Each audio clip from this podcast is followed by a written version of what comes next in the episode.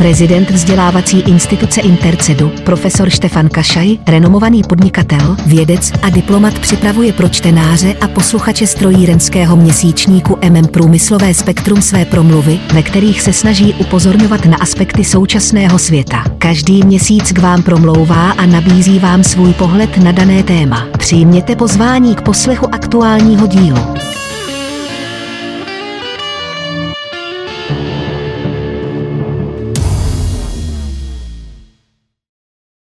Sváteční gratulace ve znamení umělé inteligence. O průmyslových revolucích se toho již napsalo mnoho.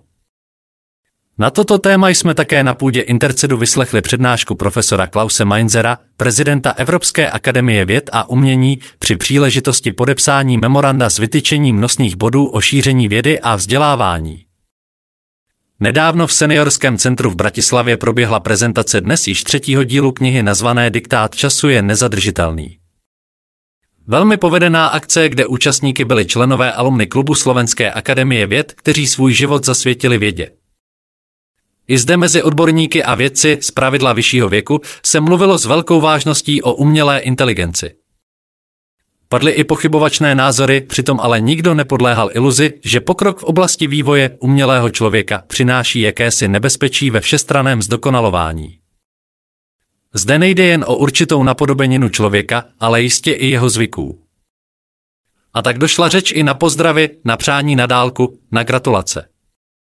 Dnes už nepsané rukou, ale samozřejmě na počítači, který úplně automaticky sice službu vykoná, ale chybí zde to hlavní. Gratulace je gratulací, je-li psána s hlubokými city, láskou a porozuměním nalezené schody mezi lidmi. Dnešní výdobytky technického pokroku jsou plně automatizovány pro zprávu často jedinečných předmětů zadání.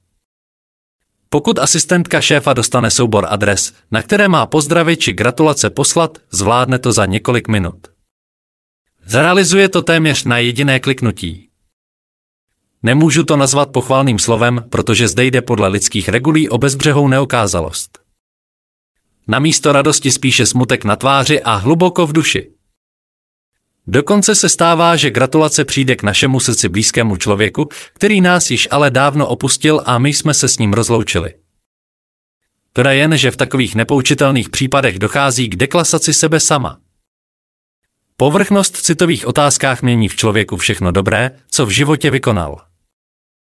Z výroku mám tě rád, miluji tě nevyvěrá očekávaná slast milých slov, kdy adresát de facto inkognito přijímá od blízkého člověka určitou podobu náklonosti, které se mu dostává od vzácných lidí z jeho okolí. Taková pomoc od automatu umělého člověka je vlastně antipomoc. Připadá mi v konečném důsledku jako organizovaná celonárodní, dokonce si troufám říci i mezinárodní Spartakiáda naučeného pořadí úkonů, a to už při pomyšlení na skutečnost, že ty novoroční pozdravy již musím konečně odeslat.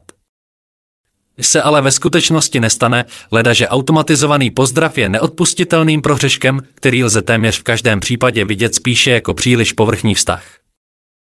Takového umělého člověka přeci nechceme. Pravda. Avšak výjimka může potvrdit pravidlo.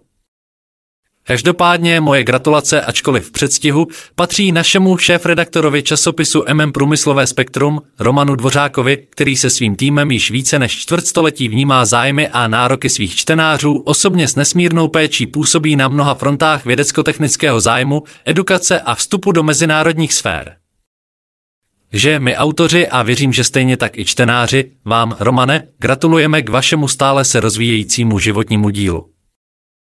Ať vám v tom pomůže i umělý člověk. S vředým přáním Štefan Kašaj.